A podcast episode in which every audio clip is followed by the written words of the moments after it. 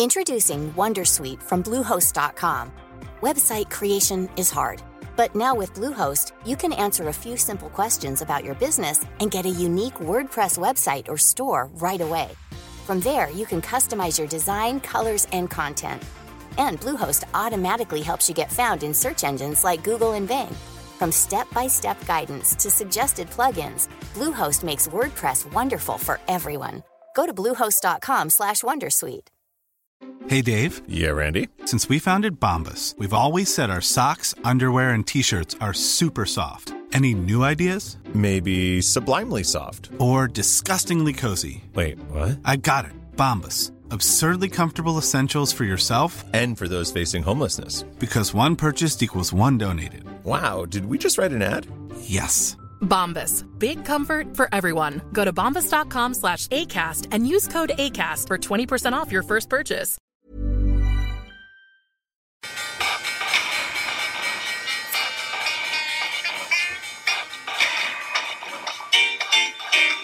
The governments don't rule the world. Goldman Sachs rules the world. Velkommen til den 17. episoden av podkasten 'Tid er penger', en podkast med Peter Warren. Vi sitter her nå på nyåret, klar for eh, det som kommer.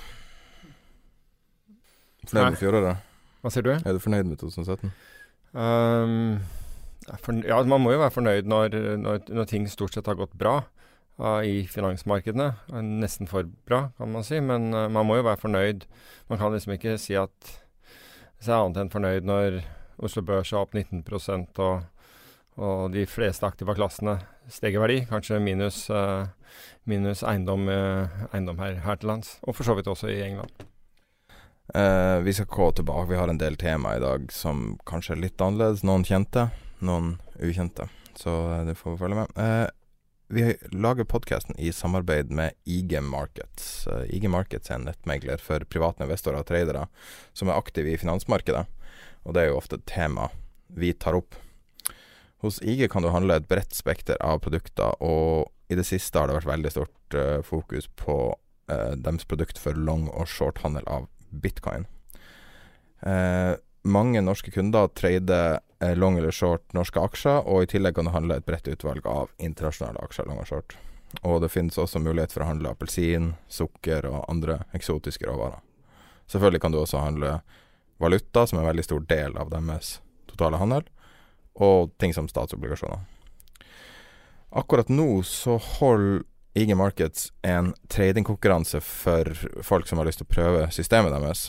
Så eh, hvis du har lyst til sjansen for å vinne et gavekort på 10 000 kroner hos Elkjøp, så en eh, Så sender du en e-post til info.no alfakrøllig.com.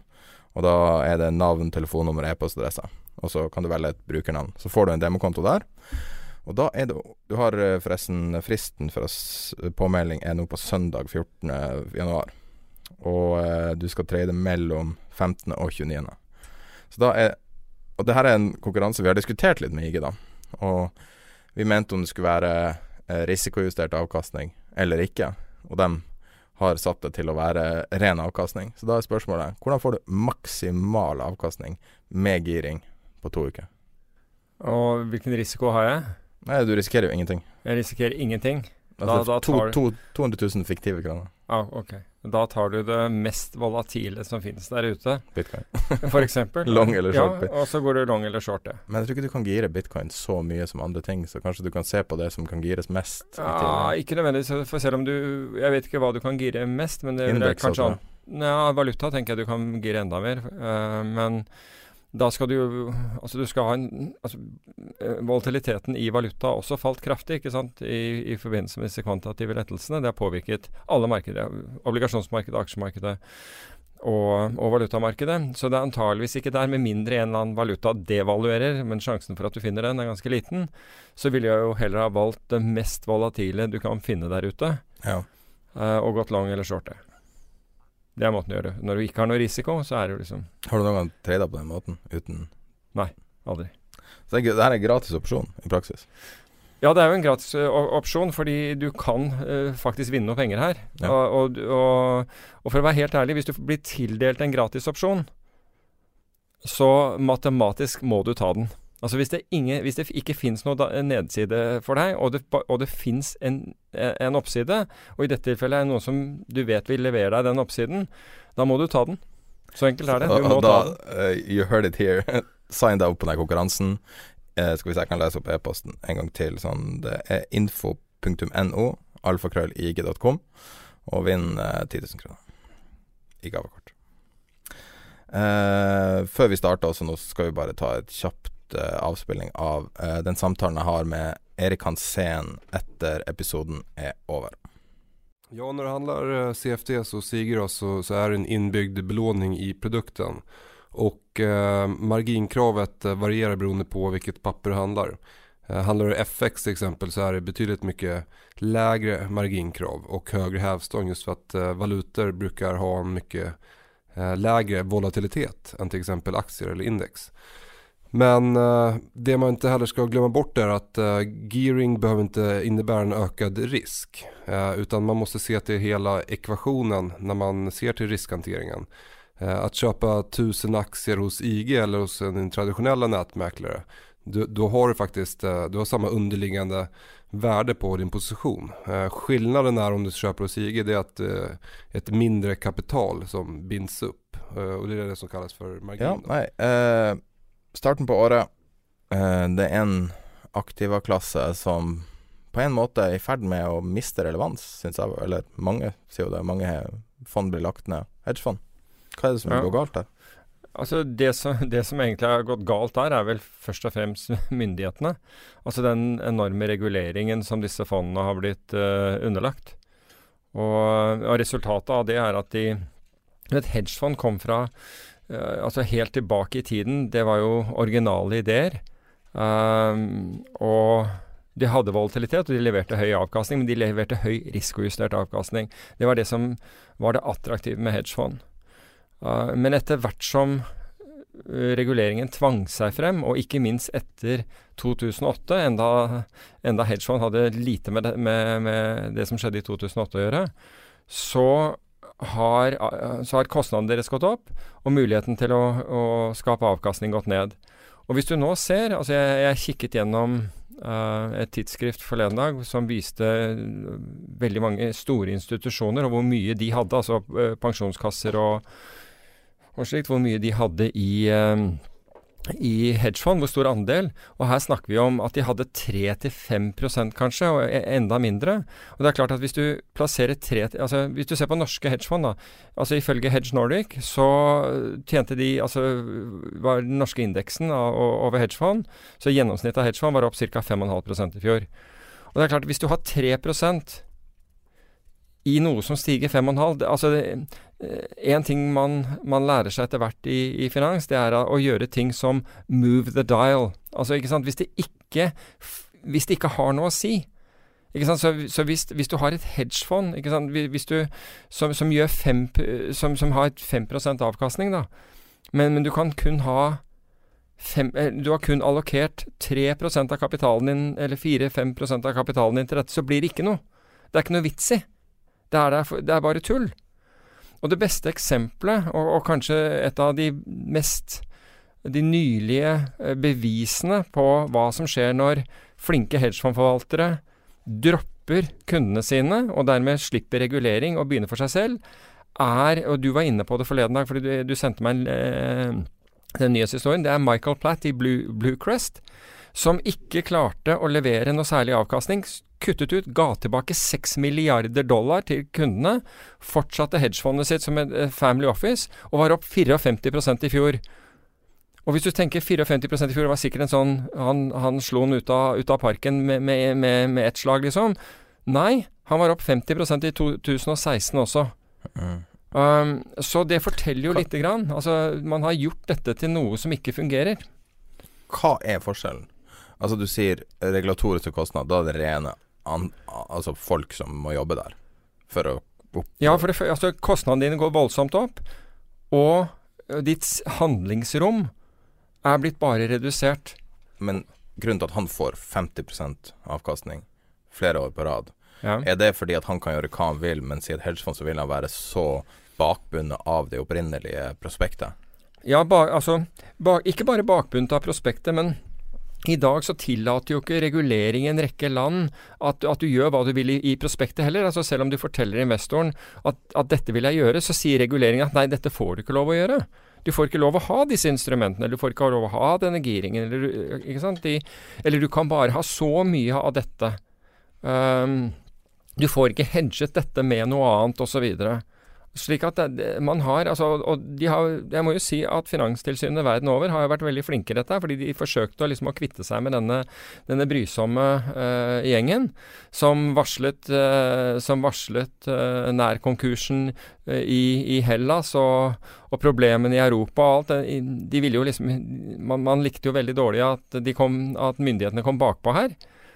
Eh, de har, men, og det har de klart. De har klart å binde, baste og binde disse, slik at det er veldig få av dem som klarer å skape Og i hvert fall ikke avkastningen, eh, de avkastningene vi så tidligere. Det er nesten umulig å skape. Det er noen få der ute som fortsatt gjør det, men hvis, hvis, altså vi har jo snakket om Rentech, altså Renaissance eh, Technologies, ved et par anledning, men vær oppmerksom på at det fondet som gjør det best der, det er et ikke-regulert fond. Blir, der er det bare de ansatte som er investert, slik at det, det er ikke regulert på samme måten. Ja.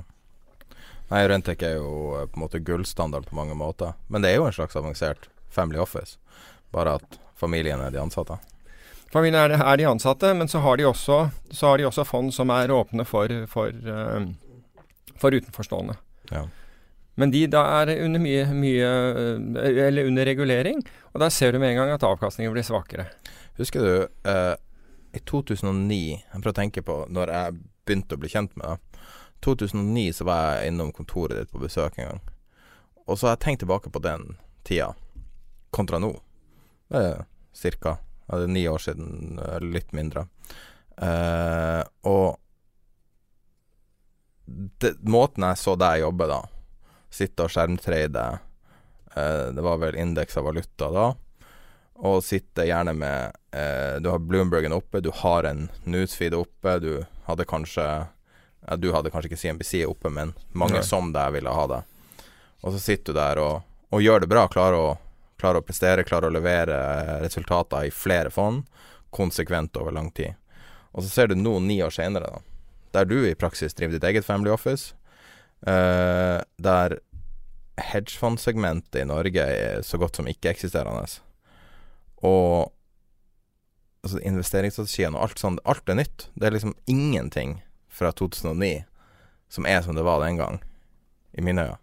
Nei, altså jeg er enig. Det er, det er, det er få ting som er som det var i, i 2009. Nå, og 2009 var jo en vanskelig periode, for da fikk du den maksimale liksom, Da rullet i effektene etter finanskrisen inn. Altså alt ble restriktivt, alt ble vanskelig. Um, det være seg om det var kreditt, altså din omgang med banker, din omgang med, med motparter. Altså Motpartsrisikoen var jo veldig stor i 2008, så det var en grunn til det. Men, og, og regulering, og du måtte rettferdiggjøre og vise alt det du hadde gjort i 2008. altså slik at 2009 for oss var jo et år av massiv administrasjon. Rett og slett. Massivt med administrasjon. Men øh, og, og siden det så har jo selvfølgelig teknologien til de grader overtatt. Um, slik at det har også gjort at det er blitt veldig mye uh, at, at ting er blitt annerledes. Først gjennom uh, high frequency trading som på en måte tok fra veldig mange uh, levebrød fordi de var ikke raske nok. Nå er det på vei ned. Ikke det at ikke high frequency trading finnes, men lønnsomheten har gått ned fordi det er nå etter hvert har alt, veldig mange blitt raske nok. Det er, det er mulig å bli rask uten å altså Det koster deg en formue. Um, så verden er jo i stadig endring. Og det det er bra ting er i endring, men vi har regulert oss nesten i hjel Mm. Uh, de, de, de senere årene. Og det gjør jo at, at du ser Altså hvis du ikke klarer å drive et hedgefond med 7 milliarder dollar til forvaltning, at du finner at dette er uinteressant 7 milliarder dollar til forvaltning, da kan, du lure, da kan du lure på hvor mye penger som skal til for at, no, for at du liksom skal si at ok, dette er en ok business. Mm. Men Michael Platt han bare sier, vet du hva, her, 6 milliarder får dere tilbake igjen. Siste milliarden var, var hans egne og hans, hans folk. Og så kjører vi videre med det. Det er penger, det òg. Mm. Det er fascinerende. Absolutt. Men hva med alle de stjernene, da? Hva har skjedd med dem? Ja, altså Det, det er interessant fordi du har jo um, uh, Bill Ackman, som var en absolutt stjerne, og, og han valgte jo da å ta å gå på børs med et av, et av fondene sine av alle steder i, i, Nederland. Og det kom akkurat samtidig med hvor han shortet Herbalife, dette, dette, den, den, den, biten der, og alt som har skjedd siden. Så han, han har da gått fra en av de best betalte stjernene med den høyeste type avkastning, til å ha uh, Herbalife og Valiant mot seg. Og i dag Altså folk ville gjort altså Det kan jeg love deg, folk ville gjort nesten hva som helst for å kunne komme inn i et fond som var forvaltet av han. Mm. I dag handler fondet hans med 20% rabatt i forhold til mm. verdijustert egenkapital hvis du kjøper det på børsen i, i Amsterdam. Det er helt vanlig. Ikke sant? Uh, men, men altså, så får man si Har det skjedd noe med Bill Ackman som gjør at han er mindre på, mindre, mindre flink? Altså Sannsynligvis har det ikke det, men det har jo sikkert påvirket, uh, påvirket han noe, det å, ha hatt en, en, tøff periode. Det med Herbalife, da. Han hadde jo sannsynligvis rett. Ja, altså jeg, jeg, vet ikke. Jeg har jo sett det, det, er jo Jeg tror Netflix eller en av disse Altså det er et pyramidespill, det han sier? Ja, ja og det, det, sier jo den, den, eh, den reportasjen der. Den, den bekrefter jo veldig mye det samme synet som, uh, som Ackman. Altså det er faktisk den, Det er vel ingenting av det som Ackman sier som ikke blir bekreftet i, i, i den filmen. Men, men, selskapet Altså jeg vet ikke noe annet enn at jeg har ikke gått dette her i sømmene selv. Men selskapet uh, lever i beste velgående, det, og kursen er høyere enn da, da Ackman først uh, shortet den. Selv om jeg ikke husker akkurat hva den er nå. Men jeg tipper at den er noe sånn 20-30% høyere i hvert fall. Kanskje 50. Men ellers sånn uh, Paul Tudor Jones, han forvalter fortsatt fond? Ingen sånn klassisk karakter man alltid kommer tilbake til. Ja, men han har jo også Det er også kommet en behov for endring. Altså Det som skjedde med, med, med Paul Tudor Jones, han, han, driver et sånn såkalt trendfølgende fond. Um, og det vi har sett der, var at de fikk problemer når, når, når man fikk de kvantitative lettelsene. Da fikk de denne type da, da, da fikk de ikke diversifisert porteføljene sine, for alt på en måte gikk mer eller mindre samme vei. Og så så vi noen uh, sette seg opp i stolen uh, og, og, og, si at vet du hva, dette her er, kan bli en langvarig endring. Så de, de, foretok grep, og et av dem er David Harding i Winton i, i, England som fortsetter å tjene gode penger. Han har vel Jeg har skrevet blogger om dette her, og han, jeg tror han har to tapende år. Og, de, og vi, vi, snakker om det verste året var han vel ned 3-4% mens han hadde kraftig oppgang i 2008. Han var opp i fjor, når de fleste av CTA-ene var ned. Så det er eh, Altså, hvis du er flink, men du må jo Altså, hvis noen er av den oppfatning at ja, men det kommer tilbake igjen. Alt kommer tilbake igjen. Jeg bare fortsetter. Dette her vi har virket før. Men av og til så foregår det materielle endringer ikke sant, i markedene. F.eks. regulatoriske og andre, som gjør at vi er nødt til å gire om. Har det skjedd noe lignende tidligere? Jeg sitter og tenker nå. Det er en strategi bare slutter å fungere forever. Um, eller en hel knippe strategi i dette tilfellet? Ja, altså hadde jeg hatt litt tid på det, så skulle jeg ha, ha, ha tenkt meg om. Men det har nok det. Fordi eh, noen strategier kan enten bli til eller si, bli slått av pga. regulatoriske forandringer. Du får rett og slett ikke gjort den, den strategien. Det fins eh, fond som har, har gjort skattearbitrasje mellom land. Det fins faktisk noen som driver med det fortsatt. Men hvor, hvor eh, det landet plutselig tetter hullet eller ett av landene tetter hullet, og så er det borte. Og de aller fleste enkle strategier er slik at, at med, med, dagens mulighet til å analysere store mengder data, så vil andre finne disse, disse strategiene. Og blir det nok folk inni en sånn strategi, så, eh, så slutter den å virke. Men det fins jo fortsatt altså det, man, det som er problemet i dag, er jo at pga. Altså det, dette raidet fra myndigheter etter, etter, finanskrisen, så er alle presset inn i tre aktiva klasser. Det er aksjer, obligasjoner og eiendom. Mm. Og eiendom liksom er, Nå har vi liksom sett sprekker i, i, i demningen der, selv om øh, fall på litt over 10 er ikke noe, noe skrekkelig. Fall i London. Ja, ikke sant. Altså det, det, faller flere andre steder også. Men, men Problemet er at vi har vel aldri, fordi, fordi publikum, altså investorene der ute, sparerne der ute, pensjonskassene der ute, aldri har hatt så få ting å investere i fordi pga. reguleringen, så er, så sitter alle i de samme båtene. og det er, det er, ikke sant? Og e, egentlig, det er én båt. og Slik at vi er mer sårbare nå, når du tenker deg at det er ingen som, Dette har vi vært inne på før. Aksjemarkeder definitivt ikke er billige. Obligasjoner er ikke billige. Eiendom har ikke vært billig. Og når du tenker på at alle sitter da i noe som er topptungt, og i, en båt som er, er topptung og, og, og, på en måte småvakler og, og er, er, urolig, så er ikke det det beste utgangspunktet. Så det er jo egentlig på tide at investorene prøver å finne alternativer, altså noe å diversifisere med. Og hvis du ser på hedgefond, så, så kan du ikke Altså det, det gjennomsnitts hedgefondet gir deg ikke nok Har ikke gitt deg nok avkastning. Og jeg tror de fleste av de, de, de, fleste av de hedgefond som har på en måte gitt en, la oss si, eh, tosifret eh, avkastning, ikke alle, jeg kan nevne noen, eh, har, har, på en måte satset på oppgang i aksjemarkedet. Så der, der, får du akkurat den samme eksponeringen som om du, du, du, satt i et aksjefond. Så man må prøve å finne noe utenfor dette her for, for at du skal få en viss grad av trygghet. Og, og hvis du nå, nå skal vi for, altså bare tenk deg hva, hva, er det du kan ha altså Hvis du skal ha lite av noe, så må du ha noe som er volatilt. Da har vi vært inne på dette med, med, med krypto. Du har du har f.eks. For forsikringsbaserte obligasjoner. Vi har snakket om katastrofeobligasjoner, men det fins andre typer forsikringsbaserte obligasjoner.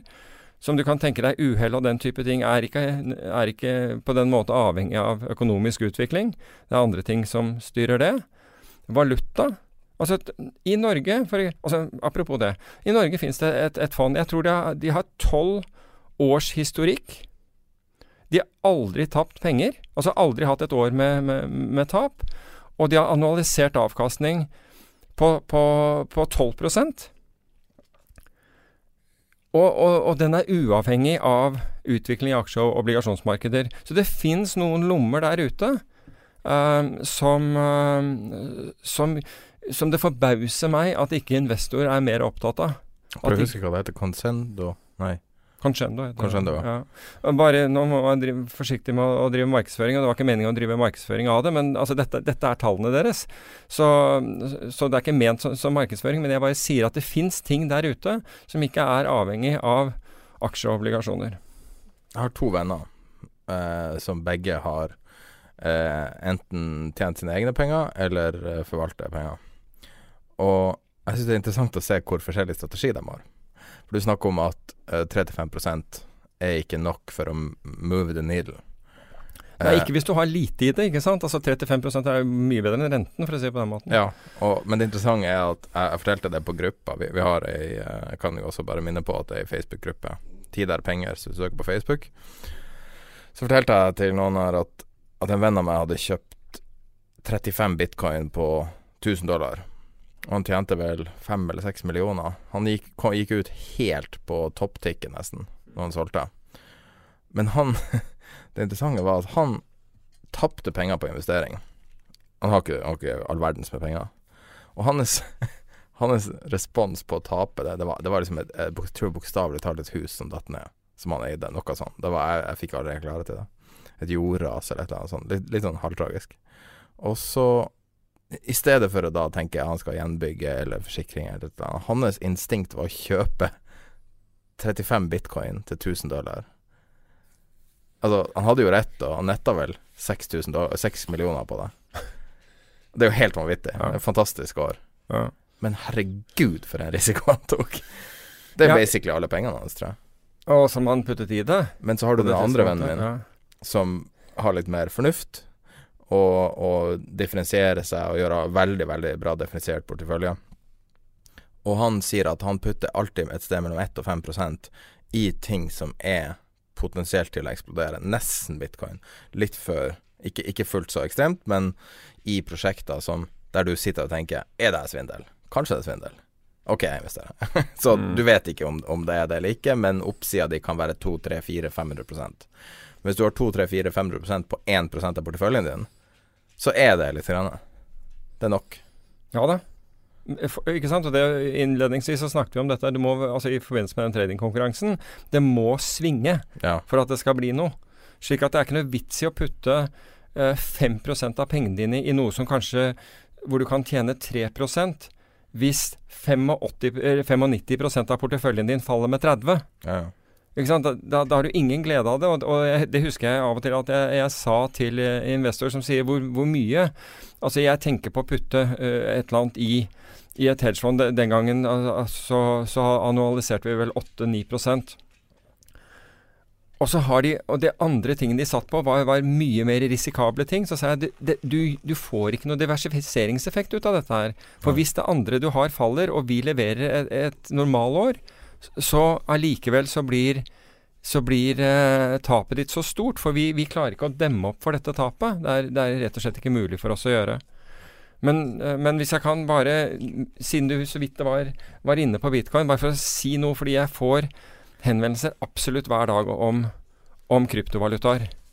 Før du sier det Forresten, eh, hvis du hører grynting, så er det hunden min som kjeder vettet, altså. Før du sier noe om bitcoin, så har jeg lyst til å spørre deg om én ting som er veldig relevant. Hvordan er tennene dine? Tennene, Ja, hvordan tilstand er tennene dine? de tror jeg er bra. Jeg går i hvert fall ofte nok til tannlegen. Har du vurdert å betale tannlegen med Dentacoin? Nei, det har jeg ikke. Dentacoin blir av de eh, krypto... Altså true believers i kryptovaluta sier OK, det her har gått for langt nå. Dentacoin er Det er litt sånn vanskelig å skjønne hvordan det her er logisk, men det, det er en kryptovaluta som er laga for å betale tannlegebesøk. Utelukkende. Eh, og den er verdsatt til 1,5 milliard dollar. En så Altså, det her er jo pets.com i krypto, Ja. egentlig. Så skal du da ha en, e en annen kryptovaluta for bensinregninger og den tredje når du er på bakeriet. Ikke sant? Det, det, det der understreker litt grann denne absurditeten. Altså, Men du sier du blir kontakta av Ja, folk med jeg- altså- obskure ting. hver eneste dag får jeg henvendelser om dette. Og, og hvor folk spør om en, en eller annen kryptovaluta som som jeg som regel aldri har hørt om. Fordi mm, alle tror at liksom bitcoin det har gått, så nå gjelder det å, å kjøpe de andre. Og da er det så tungebrekkende at liksom du må til en øh, Altså hvis du skal ha uttalere, må du til en oralkirurg etterpå. Ikke sant? Det er, det er Og folk tenker ikke. De tror at bare fordi dette er laget av ett-tall og nuller, så har det en enorm verdi. Men for at dette skal være en valuta, så må det møte disse kriteriene. Det må kunne oppbevare verdiene dine. Og det vil si at helst at det ikke skal fluktuere vanvittig mye. fordi hvis du skal sitte på alle verdiene dine, og det fluktuerer med 40, 50, 60 eller 100% i året, så blir du ganske sliten av det. Da vet du aldri hva ikke sant? Du, eh, du bestemmer deg for å gå og kjøpe et eller annet, og, og på veien dit så så finner du ut at, du, at dette har falt 50% så du må, du må, du må ha dobbelt så mye penger. Det, det, det er ikke praktisk. Og det andre er at man må kunne kjøpe noe for disse. Altså de må kunne omsettes. Og det glemmer folk.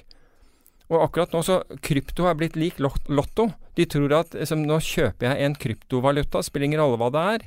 Det var en som som ringte og spurte om jeg hadde hørt om en, eh, om, en, om en kryptovaluta. Jeg hadde ikke hørt om denne her. Nei, det var ikke så rart heller, sa han, for den er, den er heller ikke De har ikke utvinnet den enda. Nei vel, sier jeg, så, og hva er poenget?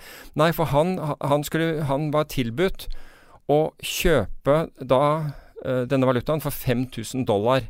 Men det var hvis de klarte å utvinne den. Så sa jeg hva er det du kjøper? Nei, han fikk noen plastskjetonger som så ut som det kom fra et monopolspill eller noe slikt. noe. Det var det han betalte 5000 dollar for. Men hvis, hvis de klarte å utvinne noe, noe digitale, digital valuta, altså mine det som, som det heter på, på, på, på, engelsk, så ville han få det. Ja, men så sa jeg, hva, hvilken verdi vil de ha? Nei, det visste han ikke, men han håpet at det var mye høyere enn de 5000 dollarene. Denne personen hadde lyst til å kjøpe det. Hva sier du? Hadde han lyst til å kjøpe det? Ja, han var, han var i ferd med å gjøre det, men ville ba, bare gjøre en sanity check på om dette her var veldig bra. Hva du sa Nei, jeg, jeg sa det hørtes helt absurd ut. Og jeg har hatt andre som har, har, har tatt kontakt og sier du, kan du ordne et, et kjøp for? Du skal få 20% hvis du gjør det. Og jeg- altså praktisk gjennomføre. Ja, praktisk gjennomføre, ikke sant. Altså, det er en desperasjon der ute. Og, altså, og en sånn Folk har liksom fjernet seg voldsomt fra virkeligheten. Men altså, sanity-checken er, som jeg sa, dette her, vil dette her være mulig å oppbevare verdier i? Nummer én, er det trolig? Og nummer to, vil du klare, altså, vil du klare å kjøpe Altså betale tannlegeregningen din, eller eller som Branson har tilbudt, at du kan kjøpe, kjøpe plass på denne Virgin Galactic, eller hva den heter for noe, med, med, med, med bitcoin. Altså, kan du omsette dette til noe? Altså, folk må tenke seg om, for det, det er faktisk ikke noe verdt hvis du ikke, hvis du, hvis du ikke møter de to kriteriene. Du sa en gang til meg en ganske bra kommentar i den her, i den her utsnakka diskusjonen. Og da sa du Men hva hvis det her er Amazon i 99? Ja, det er i boblen det her og nå, men Amazon er jo nå verden Eller Amazon-eieren er verdens rikeste mann. Eh, så, så den bobla har nå i hvert fall fått tid til å blåse seg opp ordentlig. Og de tjener masse penger, verdens største butikk. Ja. Eh, og det spørsmålet er hvis det her eh, er noe som Ok, greit, folk kommer til å sannsynligvis tape penger, men kunne du Altså, per dags dato så er det ikke mulig å, å kjøpe for, for en vanlig investor så er det vanskelig å kjøpe bitcoin, det er vanskelig å kjøpe. Går det an å sette opp et, et fond? Har du tenkt på det? Altså bare ta et generisk bet, f.eks. Ja, øh, også fordi det har kommet spørsmål om det, om jeg kunne tenke meg det. Uh, jeg har ikke altså, Å drive et fond. Ja, om, om man kan sette opp og drive et, et fond, altså et rent hvor du kjøper kryptovaluta, f.eks. kjøper de 50 største mest aktuelle ikke sant, av kryptovalutaen, eller enda færre for den saks skyld. Du kunne kjøpe ti, men liksom at du stadig hadde de som var mest aktuelle. Og Da måtte du ha et kri- kriterier for det. I øyeblikket så er det bitcoin som leder. Hvorfor? Jo, fordi det er en sånn first mover advantage. Mm. Alle har hørt om bitcoin. Og det er også en ting man må tenke seg om når man kommer med en sånn tungebrekkende ny eh, kryptosak. Det er hva skal til for at den skal detronisere bitcoin? Fordi du Altså, den må da være bedre, lettere å omsette, um, klart billigere. Øhm, mer kjent. Den skal, altså alle disse stedene var du, som, var du den som sa at Expedia eller en av disse her eh, kunne betale med bitcoin? Ikke sant? Det er jo grenser for hvor mange av disse valutaene som, som vil bli et gyldig betalingsmiddel. Uh, så, så man må gå gjennom en liste av det. Men det kunne vært interessant. Det, men dette er, dette er jo noe som allerede ha, har blitt gjort. Altså det fins Men ikke i Norge. Nei, Ikke i Norge. Kunne du tenkt deg gjort det? Ta 2 eh, forvaltningshonorar og Ja, altså- selge 100, 100 Ja, du- millioner av det? Ja, du kan si at det, det, det fondet som uh, Hvor mange prosent gikk det? Gikk ikke det 1600-1700 prosent i fjor? Uh, det, det, det er 2% forvaltningshonorar i det, samme som et tilfeldig valgt norsk aksjefond. Men tenk deg at du er en, en person med, la oss si, en, en familie med 100 millioner i formue, fordelt utover mange aktive klasser. Det er verdt å ta et bet på en halv Ja million. Jo, men det er sikkert verdt å ta et bet, men, men ta nå i hvert fall et bet på på det mest sannsynlige, og ikke på, ikke på det minst sannsynlige. Ja, men ta et bet i et eh, La oss si at du lager et fond på de 50 største. Og så hvis du er en, en enten en familie eller en family office eller noe sånt, det er jo verdt å Og så take a punt. Ja. La oss si en Ja, ja. prosent eller en halv altså, prosent. Det du må være sikker på, er jo altså, Hvis du skal gjøre det, det er at, at, det er på en måte velrenovert, at folk vet hva de gjør. At, de, at valutaene oppbevares i det som kalles cold storage. Ikke sant? At, at ikke, altså det oppbevares på en måte hvor det ikke er tilsluttet øh, tilsluttet datamaskiner og, og, ting som kan hackes. At du, at du putter over på USB-stikker og, og putter i bankbokser og den type. Altså du, det er en del sånne sanity-checker som, som, som man må gjøre før, uh, før man liksom gir folk penger til, til, til forvaltning her. Du må forstå litt om det. Men jeg har sett også i dette her at det er kommet en rekke uh, smarte selgere på, på banen. Og det er folk som har lurt folk i masse andre ting tidligere, som nå har begynt å vie, vie eh, oppmerksomheten sin mot, mot dette her, og, og selger ulike produkter på det. Så her skal man være forsiktig. Ok, da Jeg sendte deg, for jeg har sittet og diskutert, nå kommer vi inn på noe som du ikke vet at vi har, tenkt å snakke om i dag. det her var det jeg Nå igjen. det, Skjønner vi, av og til så diskuterer vi hva som er temaet, og har ei liste, og av og til så tar vi det helt på sparket. Dette er en av de tingene som er helt på sparket. Så det her klippet har du kanskje hørt før. window and stick your head out and yell, I'm as mad as hell, and I'm not gonna take this anymore! I want you to Um, Fra filmen 'Network'. Filmen Network Ja, fra med dit Faye Dunaway. Jeg husker ikke hvem det er han, han heter. hun var Som skriker i den. pen i den tida. Ja. Men um, jeg tror det, han her personen representerer deg litt, grann, føler jeg. Han, han er jo en gal mann som står og roper. Men ut, utover, utover det at han har totalt mista besinnelsen, ender opp med å ta livet av seg på TV, eller hva det er. Jeg husker ikke helt hvordan Det er verdt å se. Unnskyld at jeg ødela slutten, men Ja.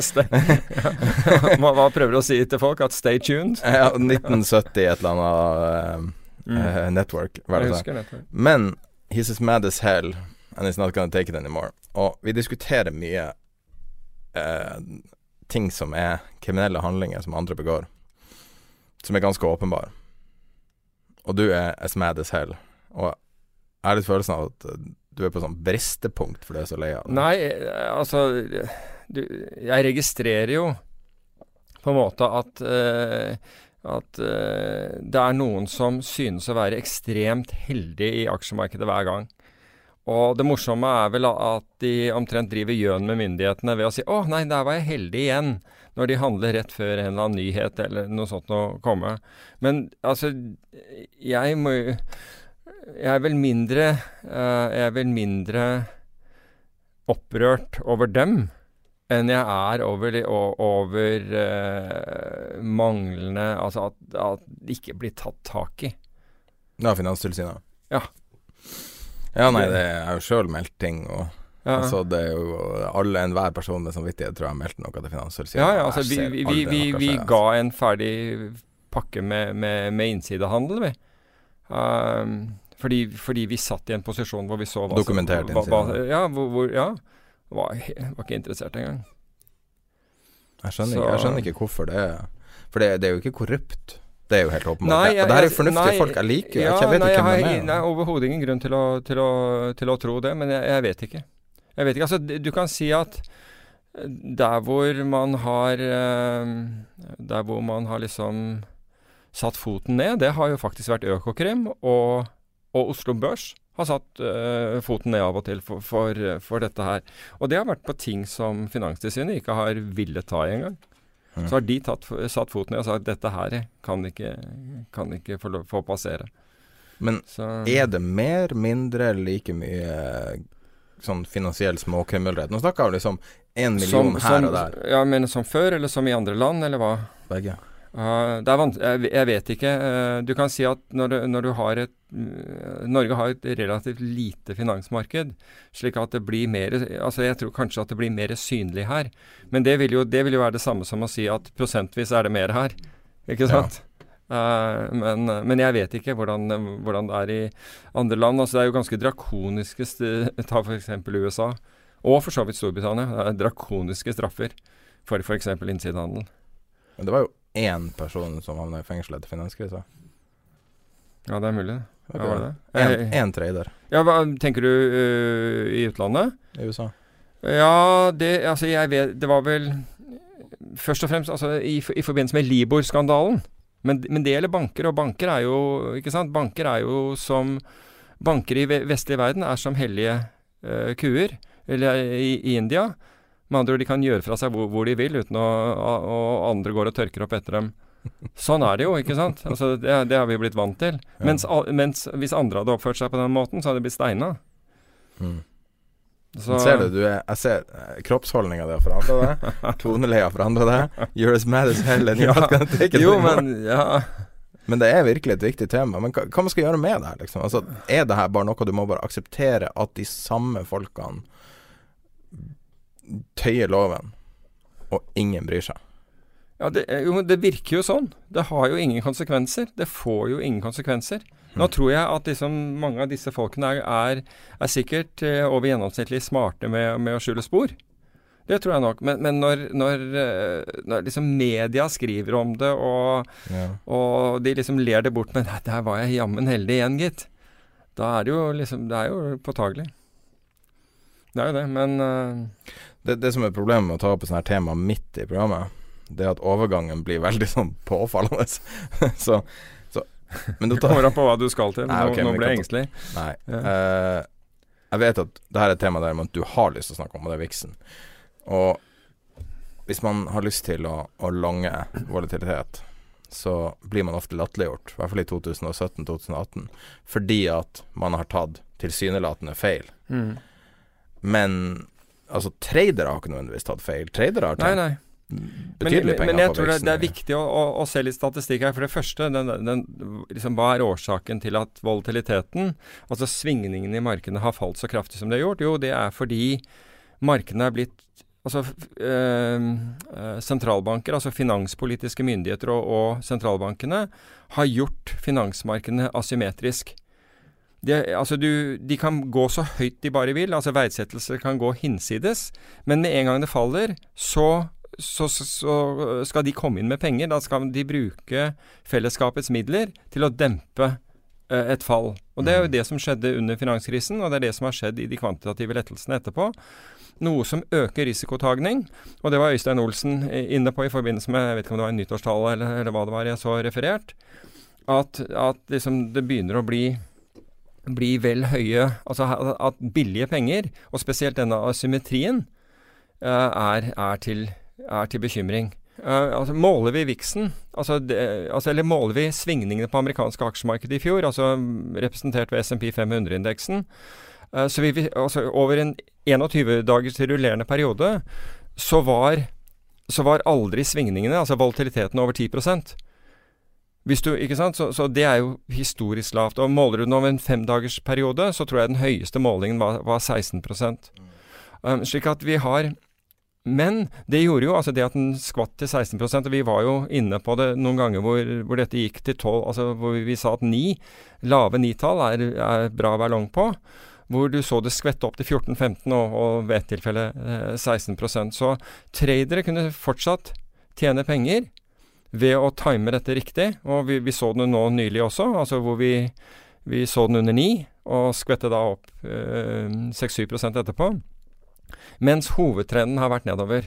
Og det er klart at hvis du ser på hvordan VIX-futuren er priset utover i tid, så kan du selge da eh, en, en, fortsatt selge en VIX som er høyere enn det enn noen, enn noen måling vi hadde i fjor på, på selve indeksen.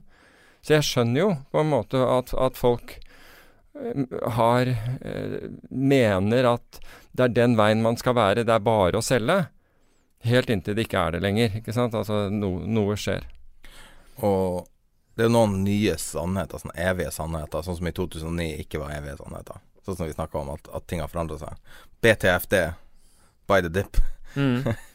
By the Eh, ja, en dip, dip. dip, ja. Mm. Og, um, og så har du, uh, du Du har liksom andre sånne evige sannheter om at At uansett hva som skjer, så er sentralbanken der. Uansett hva som skjer, så er Men de har vært der så utrolig kraftig. Og jeg, jeg skrev en, en blogg om det som jeg, jeg publiserte i, i dag morges. Altså, for ett år siden For ett år siden så betalte Hellas 11 Altså nesten 12 rente. Altså øh, eh, greske statsobligasjoner. Ikke sant? Og i dag Altså hvis du hadde I dag låner Hellas til bedre vilkår enn USA. Og da, det er jeg føler jo at på dette nivået, om du ikke turte å liksom gjøre, gjøre, gå long Hellas, short USA i fjor, så burde du i hvert fall tørre å gå short Hellas og long USA på dette nivået. Fordi det henger ikke på greip at Hellas skal finansiere seg billigere enn USA. Men la oss si at jeg er tidlig, da. La oss si at jeg er tidlig. Da blir du betalt 0,7% i året. Du har positiv carry. Du blir betalt for å, for å ta det bettet. ingen time vel eh, Nei, fordi, nei, for, nei, fordi, nei, fordi uh, greske statsobligasjoner har lavere rente enn amerikanske statsobligasjoner. Når du skal shorte greske statsobligasjoner, hvordan er f.eks. CDS-en priser? CDS-en priser i henhold til Jeg har ikke sett på, på, på CDS-en, men jeg vet ikke altså Her må du gjøre en swap-avtale, altså en TRS eller, eller noe og sånt noe. Det er mye bedre å gjøre det i, um, i, uh, i rentemarkedet. Når det gjelder eh, liksom, amerikanske statsobligasjoner, da bare kjøper du toåringen, så den er jo veldig grei. Men den, den greske må, må du foreta, den short-salg der må du foregå i rent, uh, gjøre i rentemarkedet. Ja. Mens uh, i fjor, altså da den greske var høy, og, og den amerikanske var lav, da kunne du shorte eh, amerikanske statsobligasjoner gjennom futures og bare rett og slett gå og kjøpe eh, greske statsobligasjoner, som da ga deg 11,75% rente. Så gjorde du den handelen, og deg, og i tillegg fikk du valutagevinst både mot, eh, mot dollar, altså euroen mot dollar, og deretter euroen mot norske kroner hvis det var norske kronebasert, og da tjente du 40, faktisk, over 40% på å gjøre denne, på en handel i statsobligasjoner. Det er ganske heftig. Det er ganske bra. Det er over dobbelt så mye som Oslo Børs steg i fjor. Du har ofte snakka om at eh, å gire statsobligasjonstrader er bedre enn aksjemarkedet. Ja, altså det, det er ikke bare jeg som, som, som sier det. det er, statistikken har jo vist det. At hvis du gjør det, altså hadde du gjort det helt tilbake til 70-tallet, så hadde du altså giret det slik at du fikk samme risiko som aksjer. Mm. Altså Du skal bare opp på det, det nivået som Altså du, du kjøper aksjer og, og, og på en måte aksepterer de svingningene som aksjer har. Og så sier du at ok, hvis jeg kan leve med denne type svingninger, så kan jeg gire statsobligasjoner for å få samme, samme type svingninger på dem. Da fikk du en bedre avkastning, vesentlig bedre avkastning, på, på å være investert i statsobligasjoner enn i aksjer. Hvorfor jeg ikke vil anbefale deg å gjøre det nå, er fordi eh, statsobligasjonsrenten er så øh, lav i de fleste land. Og øh, altså obligasjoner er dyre. Så dette er ikke tiden å, å øke risikoen din på at, øh, at renten skal gå enda lenger ned. Det ville jeg ikke gjort. Ville du ha gått ut til Dagens Næringsliv og sagt alle tradene dine idet du gjør dem, sånn at alle kan le deg hver gang det går feil vei? Nei, jeg har ikke noe behov for det. Uh, men, jeg vet du ikke om kan du vet si hvem som har gjort det. Hva sier du? Sissener har gjort det. Alle? Ja, eller Virkelig? Mange, nei, men tilsynelatende Eh, mange. Men, men du kan si at jeg gjorde jo for, Altså, jeg gikk jo ikke alle- ikke til Dagens Næringsliv, men til altså alle som var investorer hos oss. Visste Altså, vi, jeg skrev hver eneste månedsrapport hva vi hadde tjent penger på, og hva vi hadde tatt penger på. Grunnen til at jeg sier det, er han har jo annonsert sin Jeg vet ikke om han short Norwegian, eller husker jeg feil? Jeg mener det. Jeg mener det. Han er short Tesla. Ja, det mener jeg også. Forresten, vår papir-Tesla-trade lever farlig, da. Mm. Den er kjempebra, faktisk. Den er, den er, den er inn i pengene, den. Oh, ja, selvfølgelig, fordi at den går ut på dato, ja. Ja, ja. Den er veldig i pengene. Altså, ved, ved, ved nyttårsskiftet så var det kjempe i pengene. Ja, nei, i går så steg Tesla 6 Mm, jeg så det. Jeg så Men- det, men den er fortsatt i pengene. Og Norwegian var opp 20% her en dag. Så Norwegian er jo, er jo litt spesiell, fordi eh, nå så jeg at de hadde bedre trafikkdata eh, Unnskyld, eh, bedre trafikktall. Men eh, det, det spesielle der er vel når, egentlig når når eh, hovedeier eh, og, og, og, og, CEO er i media og, og, og, sier at man skal eh, trekke tilbake eh, Eller spekulerer i, eller indikerer, hinter at man vil trekke tilbake en del av de aksjene som er lånt ut til shortselgere. Altså Derfor man kjøper opsjoner, ikke, ikke shorter. Ja, det er jeg helt enig i. Fordi Norwegian har faktisk steget 40 Var det det, var det det som var triggeren på en 20 RS-stikke? Ja, altså det, det, Den gikk jo fra, øh, fra, altså, fra desember altså opp, opp 40 Men, Og den vesentlige delen av, av den oppgangen, det mener jeg var kom rett etter den øh, hvor det ble hvor det ble hintet om at man kunne trekke tilbake uh, dette her. Um, Desperat handling. Nei, altså jeg vet ikke Det er, det er mer sånn der at jeg, at jeg lurer på hvordan Lurer på informasjonshåndteringen, rett og slett, der. Og om, om det er liksom riktig informasjonshåndtering å gi og At den type informasjon blir gitt i en, eh, en TV-kanal. Jeg vet ikke. Jeg syns det, det er veldig, veldig veldig besynderlig når eh, konsernsjefer, eiere, aksjonærer, store aksjonærer snakker om shortere. Det er alltid et dårlig tegn i mine øyne. Ja, men han, her snakker, eh, altså storaksjonæren her så snakket ikke om å shorte, han snakket om å Nei, trekke tilbake snakke aksjer. om shortere. Og, og om shortere, og, og sånn, ja. ja. Hele tatt, altså driver liksom sier at ja, det eh, Altså snakk om at de er blitt aksjene blir pressa ned av shortere, eller Mm. hva enn som er storyen. Når det snarere er motsatt, at den eneste reelle aksjeeffekten du kan ha av shortere, er jo en short squeeze. Nettopp det han Ja. illustrerer her. Men det, det, det sagt, så er, må jeg si at jeg er jo altså, så er jeg jo både takknemlig for, for at Norwegian er der, og har, eh, har økt konkurransen i, eh, i, i, i luftfarten, i passasjertrafikken.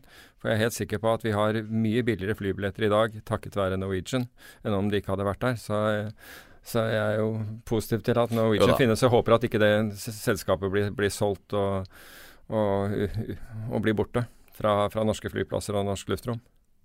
I morgen er det Skagen-konferansen, og i dag har Skagen og Diki solgt seg ut til Norwegian tilsynelatende. Ja, da var det en som Ja, da var det i tilfelle en som klarte å utnytte, utnytte det. Um, nå formoder jeg at du har rett av, av, i, det, i det du sier, men Ja, det har er en ikke sett- Oh, ja, ok, ja, det har jeg ikke sett noe om det. Men, men ja, da var det en som utnyttet nettopp den, den oppgangen. Et sånt fond, hva som er grunnen til at de selv har dem Nei, det er mulig. Jeg aner ikke hva Jeg følger ikke Skagen Kon-Tiki. Um, jeg, jeg har fulgt uh, forvaltningsselskapet i, i mange år, jeg, det har jeg gjort. Men uh, ikke spesielt det, det fondet. Men det er klart at når du får 40% oppgang på en måned, så er jo det en gavepakke uh, for mange. Og jeg vet ikke hva beveggrunnene for, for verken at de kjøpte seg inn i sin tid, eller, eller selger seg ut nå. Så det er vanskelig å vite om det er taktisk eller av andre årsaker. Nå begynner vi å nærme oss slutten her, så lurer jeg på om du har lyst til at vi skal snakke om Det er ting som vi hadde diskutert om vi skulle starte i mange år. Har du lyst til å ta det nå, eller skal vi ta det senere? Det er opp til deg. Hvordan, går vi på tid? Vi har grei tid, men det er ut helvetes mye bråk rundt oss Ja, er, i dag. ja, er. Ja, du kommer til å få litt av en redigeringsjobb her. tror Ja. jeg. Jeg tror vi kaller det en tease, og så tar vi det neste gang. Ja. Men da, da avslutter vi eh, dagens samtale eh, Dagens episode med en samtale med Erik Hansen. Og så tror jeg at jeg skal gjemme alle beina til bikkja mi, og så skal jeg banke den naboen som det å bore mens vi, vi tar opp podkasten. Så, sånn at det blir litt lettere neste gang. Um, men uh, takk for oss, og vi ses om to uker. Uh, kunder som handler via IG, uh, kan gjøre det på flere måter, kan man ikke det? Eh, det her er, jeg er ikke helt sikker, men at du kan bruke flere handelsplattformer. Altså, du kan bruke Veldig mange i Norge bruker Infront for å monitore markedet. Kan man handle IG-produkter over Infront, eller må man bruke hjemmesida? Det stemmer at vi har ulike plattformar. Eh, vi erbjuder inte Infront utan vi, våra mer avancerade plattformar som vi erbjuder våra kunder heter bland annat uh, Pro Realtime och uh, MT4, MetaTrader 4. Akkurat. Så eh, MT4 er equivalent av Infront. alltså det ser ganske likt ut, og för folk er vant att å forholde seg til et program. Ja, precis. Det, det är en ne- nedladdningsbar plattform så den laddar ner på datorn och installerar. Eh, dock ska jag inte jämföra med Infronten. Eh, men eh, jag skulle säga att de, de flesta av mina kunder som kräver lite mer avancerade eh, verktyg, lite mer eh, charts, eh, lite mer teknisk analys, eh, lite mer funktioner. Eh, de gillar att handla i Pro Real Time. och det, jag skulle säga det är ett suveränt verktyg. Men om man bruker DMA-produkter, kan man Mm. ikke handle i flere plattformer da også? Ja, det är lite, lite olika det där. Det bästa är egentligen att man ringer in till, till sin kontaktperson på IG och berättar eh, vilka produkter och marknader man handlar. Eh, så tar vi fram en skräddarsydd lösning för kunden. Okay. Eh, Ja, det finnes et API. ja, det finns API också. Ja. Eh, om man har egna system och vi koppla upp sig på IG. Så att man, man kan göra det väldigt enkelt och man kan göra det extremt eh, avancerat. Ja. Eh, och alla traders har olika strategier och handlar på olika sätt. Eh, och vi erbjuder ett flertal olika plattformar och eh, typer. Och, Men når du kom hit, så drev du och trada på telefonen ja, Eh, uten å gå i detalj hva du er på med, men eh, hvordan program bruker du da? eh, det är IG-appen på mobilen. Eh, man, kan ladda, man, man kan söka på IG trading, eh, iPhone eller Android. og och då har du en applikation på mobilen som, eh, som är synkroniserad med alla våra andra plattformar också. Så att även om du tar dina positioner i, i MT4 eller Pro Realtime eller via hemsidan så kan du monitera allting via din telefon också. Så allting, allting är sammankopplat.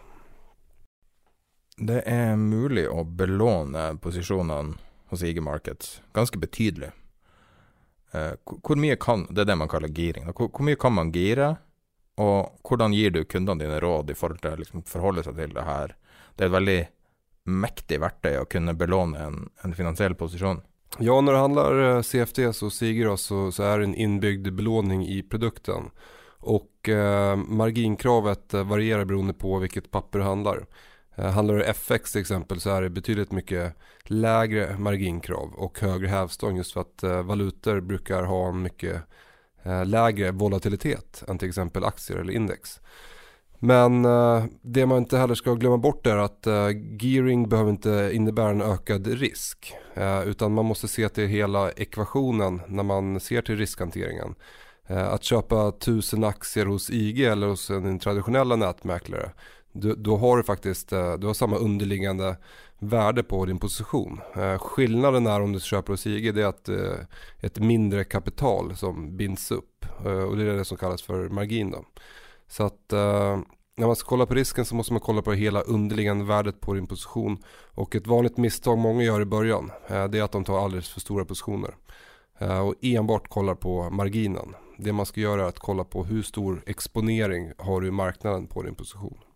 Så att eh, bara för att man kan ta stora positioner så innebär det inte att man alltid måste göra det. Utan uh, trading för att bli framgångsrik trader så gäller det verkligen att ha strikt riskhantering. Också ha koll på de mentala och psykologiska aspekterna kring tradingen. Det handlar inte enbart om att köpa och sälja på, på rätt priser. Hvor stor giring en genomsnittlig IG-kunde har? Ja, om man kollar på, på valutor eh, och det här är ju eh, samma sak för alla mäklare. Så när man handlar valutor så brukar man ha en, en gearing på 100 eller 200 gånger. Eh, handlar du aktier hos, hos IG, säg eh, Statoil, så har du ett, eh, ett margingrav på, på 5% vilket in, innebär en gearing på ungefär eh, 20 då. Så att, och sen när du handlar index så har du en gearing på ungefär, ungefär 100 då. Hva du anbefaler dine kunder til å benytte, benytte seg av? Altså Mener du at man burde bruke en mindre andel av sin egenkapital, og heller Altså du, du bestemmer størrelsen på posisjonen, Mm. og så mindre andel av din egenkapital, fordi at du Det viktige er å forstå størrelsen på posisjonen, ikke nødvendigvis å maksimere eksponeringa. Er det det du mener? Precis, man ska inte maximera exponeringen och man ska inte maximera själva marginkravet utan man ska kolla på, okej nu ska jag köpa DAX-index i Tyskland. Vilken storlek vill jag ha på positionen? Vill jag ha 100 000 underliggande? Ja, då köper du antal kontrakt så att det blir 100 000 underliggande. Uh, vill du köpa aktier för uh, 50 000 eller 10 000, 100 000? Då, då köper du x antal aktier så att du har den exponeringen i marknaden. Och sen är det også att, att du sätter en, eh, en eventuellt stopploss uh, på din position också. Även om du inte sätter stopplossen i systemet så ska du ha den mentalt. Eh, så att du hela tiden har en plan att gå ur om marknaden skulle gå emot dig då. La, la oss si at du, att du kjøper en index for 100 000, Mm. og du eh, stiller 1000 kroner i egenkapital. Mm. Eh, da blir det jo i praksis som å kjøpe en opsjon. Altså opsjonspris Du kan tape 1000 hvis du setter en, en garantert stopplås Mm. omtrent på 1 ned. Mm. Er det sånn type strategi du anbefaler kundene? Altså at du, du vet hva du vil tape. Det er fortsatt en liten sum. Du har ei stor oppside. Du har et garantert gulv der du, du kommer ikke til å tape mer enn du har satsa. Du ønsker å eksponere deg for 100 000 i dags, f.eks. Mm. Og så er det kanskje en del av en komplisert strategi. Er det en type sånn tilnærming du ønsker Ja. at kundene skal ta? Alltså, jag skulle inte jämföra CFDs med, med optioner för att du har inte tidsvärde till exempel. Eh, CFDs är, det är väldigt likt uh, futures, terminer. Uh, fördelen med CFDs är att vi har nedskalade kontrakt.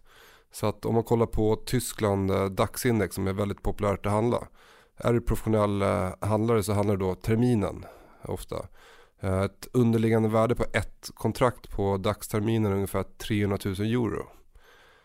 Eh, Om du skulle köpa ett kontrakt. Och det, det är samma sak om du handlar på IG. Men på IG så har vi nedskalen kontrakt. Vi har lägre size på kontrakten också. Så att du kan ju då välja och handla ett eh, minikontrakt eller mikrokontrakt. Och då får du en lägre exponering. Tired of ads barging into your favorite news podcasts? Good news. Ad-free listening is available on Amazon Music for all the music plus top podcasts included with your Prime membership. Stay up to date on everything newsworthy by downloading the Amazon Music app for free or go to amazon.com slash news ad free. That's amazon.com slash news ad free to catch up on the latest episodes without the ads.